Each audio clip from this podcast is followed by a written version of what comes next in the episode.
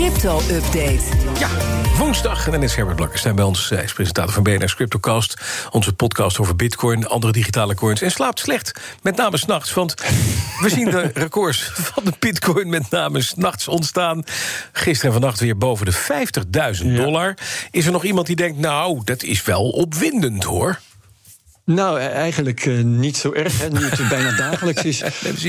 Om precies te zijn, negen dagen van de laatste twee weken hebben we een nieuw record uh, gevestigd. Het begint erg saai te worden. Aan de andere kant, uh, de jacht is nu wel geopend op de magische 100.000.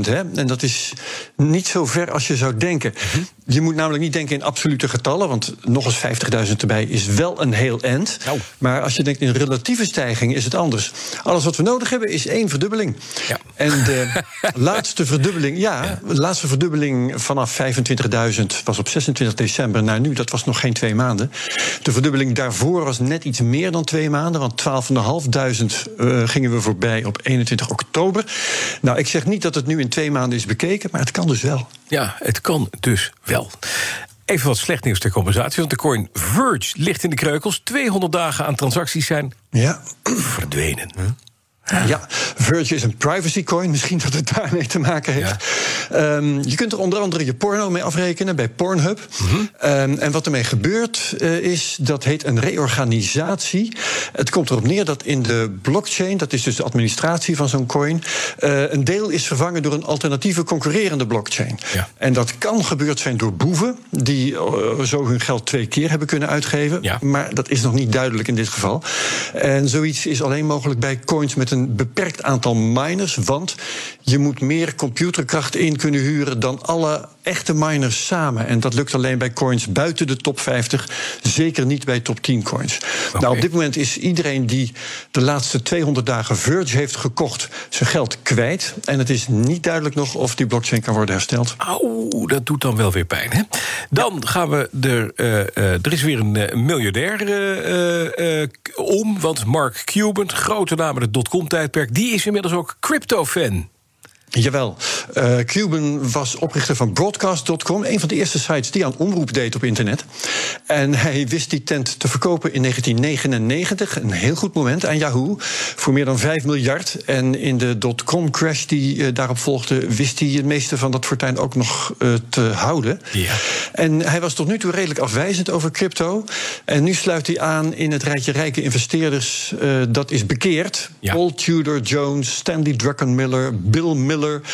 En hij heeft uh, dat gezegd, dat hij bekeerd is in de podcast The Defiant van Camillo Russo. Mhm. Mm -hmm. En één verschil is er: Cuban die ziet meer in Ethereum dan in Bitcoin. Want, zegt hij, Ethereum heeft echte toepassingen dankzij smart contracts. Oké, okay, nou. Dan is er goed voor nieuws voor miners. Misschien iets minder goed nieuws voor bitcoin-bezitters. Want een record aan transactiekosten voor één blok op de blockchain is, is, heeft plaatsgevonden. Ja. Kosten zijn natuurlijk altijd vervelend als je ze moet maken. Ja. Um, dit uh, blijkt uit data over de laatste 2000 blokken. En dat betreft ongeveer twee weken, heb ik uitgerekend. Mhm. In die tijd hebben miners, uh, net als altijd, 6,25 bitcoin per blok gekregen. Maar daarnaast kregen ze ook gemiddeld 0,97 bitcoin aan transactiekosten per blok vol met transacties. Mm. Uh, dat is dus ongeveer 1 zevende van het inkomen van de miners, dat nu bestaat uit transactiekosten. Ja. En die transactiekosten stijgen dus. En dat heeft ermee te maken dat die bitcoin zelf in prijs stijgt, maar ze stijgen ook in bitcoins. En dat die transactie, transactiekosten stijgen, dat moet ook, uh, omdat over ruim drie jaar die 6,25 bitcoin beloning voor de miners per blok weer gaat worden gehalveerd. Mm -hmm. Afgelopen mei is het ook gebeurd. Gebeurt elke vier jaar. En die miners die moeten ergens van bestaan.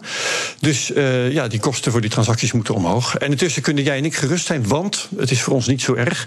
Ja. Uh, we kunnen het Lightning Network gaan gebruiken. Ik noem dat altijd een kladpapiertje voor transacties. Ja. Het is een cryptografisch goed beveiligd kladpapiertje trouwens. -hmm. ja. um, en dat wordt na een hele hoop transacties in één keer afgerekend op de blockchain. En dat is dus per transactie veel goedkoper. Ja, precies. Nog even kort naar wat er deze week in de CryptoCast zit, Herbert. Wim Boonstra hebben we te gast. Hij is hoogleraar economie. Hij is in dienst bij de Rabobank. Speciaal adviseur bij Rabo Research. En hij is bekend als crypto-scepticus. Geregeld in de media. En wij gaan kijken of hij al van mening is veranderd. Net als Mark Cuban bijvoorbeeld. En of wij hem enthousiast kunnen krijgen voor Bitcoin. En als dat lukt, dan hebben we weer een all-time high. Dankjewel, Herbert eh, Blankenstein. Alle afleveringen van de Cryptocast te beluisteren via de BNR-app, bnr.nl of je favoriete podcast.